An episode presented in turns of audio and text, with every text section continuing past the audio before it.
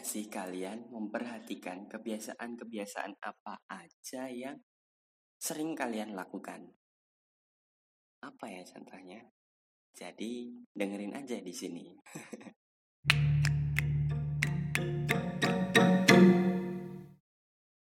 Assalamualaikum warahmatullahi wabarakatuh. Apa kabar teman-teman semua?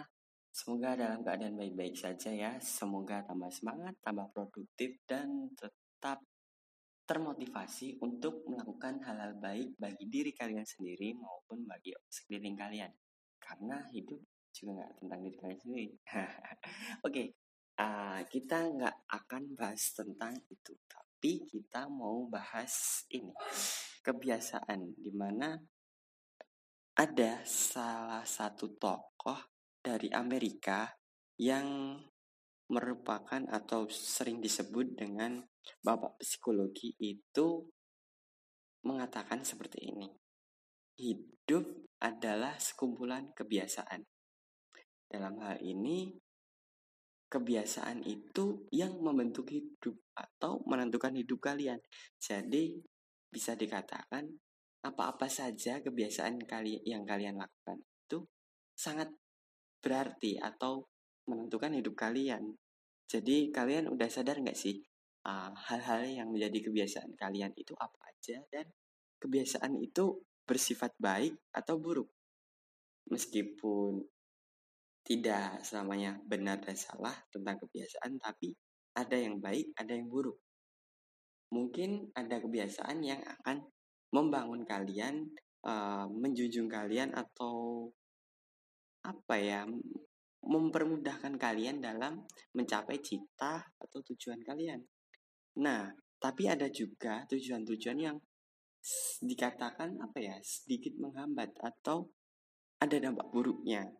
Contoh kecil nih, ketika kita bosen, mungkin dulu pas kecil apa ya, pas ya masih anak-anak kecil gitu.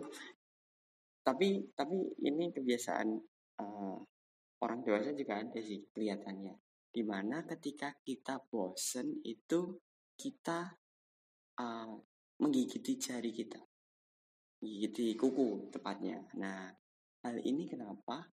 Uh, ini bisa dikatakan kita mencari kebiasaan yang akan melupakan uh, kebosanan kita, di mana ketika kita sudah menggigiti kuku-kuku itu akan menciptakan sesuatu yang hmm, hilangnya rasa bosan karena ya manfaatnya itu. Tapi kan kurang baik kalau dikatakan seperti itu. Toh di kuku-kuku juga banyak kuman dan lain sebagainya. Apalagi ini masih masa pandemi kan. Jangan apa namanya sembarangan pegang barang dan lalu dimasukkan mulut. Orang pegang di bagian kepala aja nggak boleh. Kayak gitu. Nah, uh, kebiasaan-kebiasaan ini sebenarnya kita lakukan setiap hari, tapi ada yang kita sadari, ada yang enggak. Ada lagi semisal kita ketika udah bosen itu apa ya kayak ya pokoknya beda-beda lah. Ada yang mainan apa atau uh, nyanyi-nyanyi nggak jelas. Nah sebenarnya nggak apa-apa sih kalau ini nggak jelas kayak gitu. Temanku pun ada. Tapi ya kita harus mencoba untuk menciptakan hmm, iklim atau apa ya habit-habit kita itu yang lebih baik karena habit ini sebenarnya kayak aplikasi di smartphone teman-teman semua di gadget teman semua karena uh, kita ini kalau disamain ya sama handphone itu bisa menginstal apa saja yang kita inginkan. Tapi perbedaannya cuma di jangka waktu. Di mana kalau di smartphone atau gadget kalian itu cepat asalkan memori dan apa namanya jaringan internet teman-teman itu mumpuni.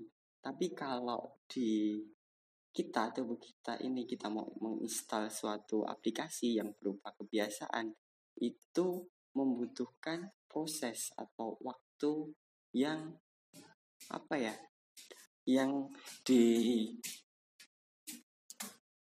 diperlukan untuk menciptakan kebiasaan itu agar melekat dan mampu kita uh, terapkan setiap harinya seperti itu.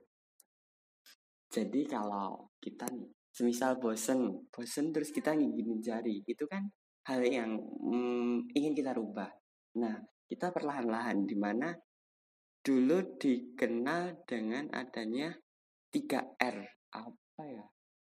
Reminder atau tanda terus R yang kedua itu rutinitas yang ingin kita rubah. Nah, terus yang ketiga itu reward. Nah, maaf ya agak lupa ini.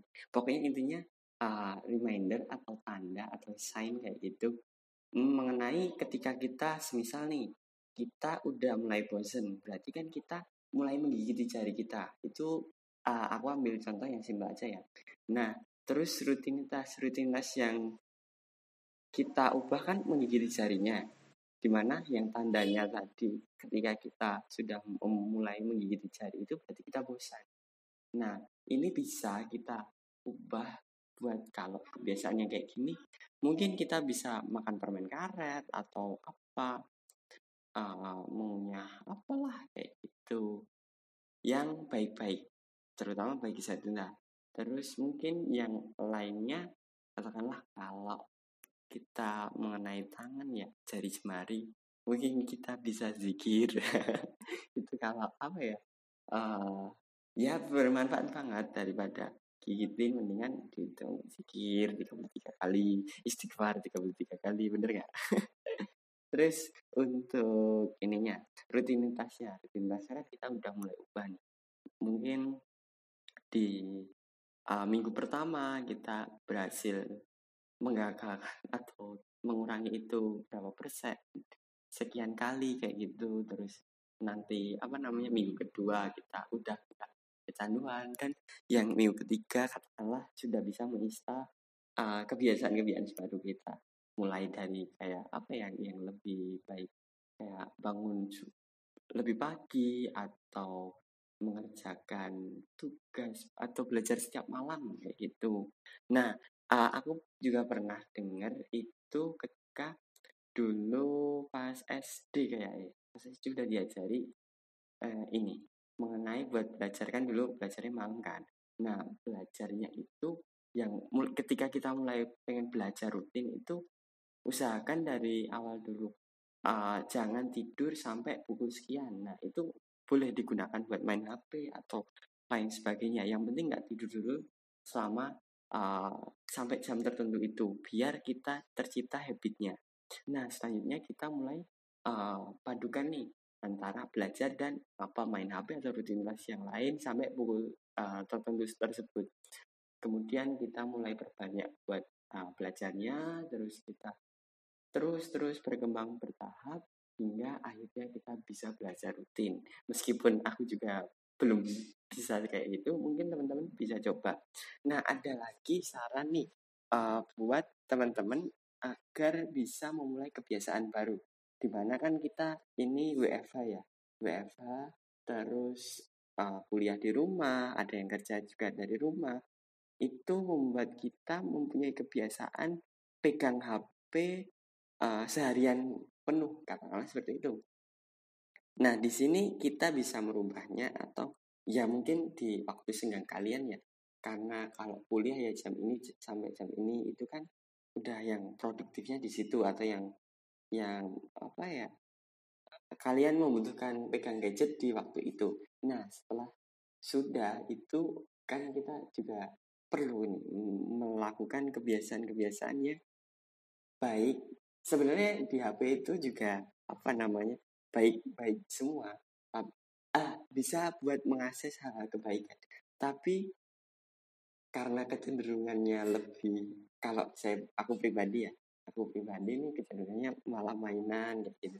Nah, maka dari itu kita perlu nih di sekeliling kita kayak gitu kita uh, ngasih buku atau apa di tempat tidur kita di meja dekatnya biar kalau kita bosen itu nggak langsung ambil HP tapi mungkin nih tertarik buat ambil buku terus dibaca kayak gitu terus apalagi ya ini uh, apa namanya hmm, menyiapkan menyiapkan nih menyiapkan Al-Quran katakanlah Al-Quran di samping tempat sholat kita. Nah, hal ini berguna untuk apa? Karena kalau kita habis sholat itu biar langsung ambil Al-Qurannya, langsung membaca, dikit-dikit ya apa Ya mungkin pas pertama masih dianggurin, gitu, tapi lama-kelamaan kan juga mesti didirik terus kan. Barangkali nanti bisa, ya bisa lah buat dibaca-baca dari sholat. Kayak gitu, terus apalagi ya? Ini mungkin uh, menyiapkan air putih atau snack ringan sih di, di meja belajar kita biar termotivasi untuk belajar dan nyaman di situ kayak gitu. Terus apalagi ya? Kayak udah itu. Uh, oh ini kalau teman-teman masih uh, susah lepas dari HP, dari sosmed kalian itu ada alternatifnya yaitu kita follow eh, akun-akun yang bermanfaat katakanlah apa ya yang kayak kayak ya sesuai passion atau bidang teman-teman deh dari itu kita follow dan ketika kita buka sosmed kita semua sosmed kalau bisa ya biar ketika kita buka nih langsung hal yang positif atau hal yang baik nih bermanfaat bagi teman-teman yang pertama kita baca. Nah, semoga uh, teman-teman dan aku pribadi juga bisa menginstal new habit kita di tengah pandemi ini. Walaupun ini situasi sulit, tapi kita juga harus mempunyai hal-hal positif. Cukup sekian, terima kasih. Jangan lupa senyum, jangan lupa bercanda. Tapi hati-hati, ntar jatuh cinta. sekian, terima kasih. Jaga kesehatan teman-teman. Assalamualaikum warahmatullahi wabarakatuh.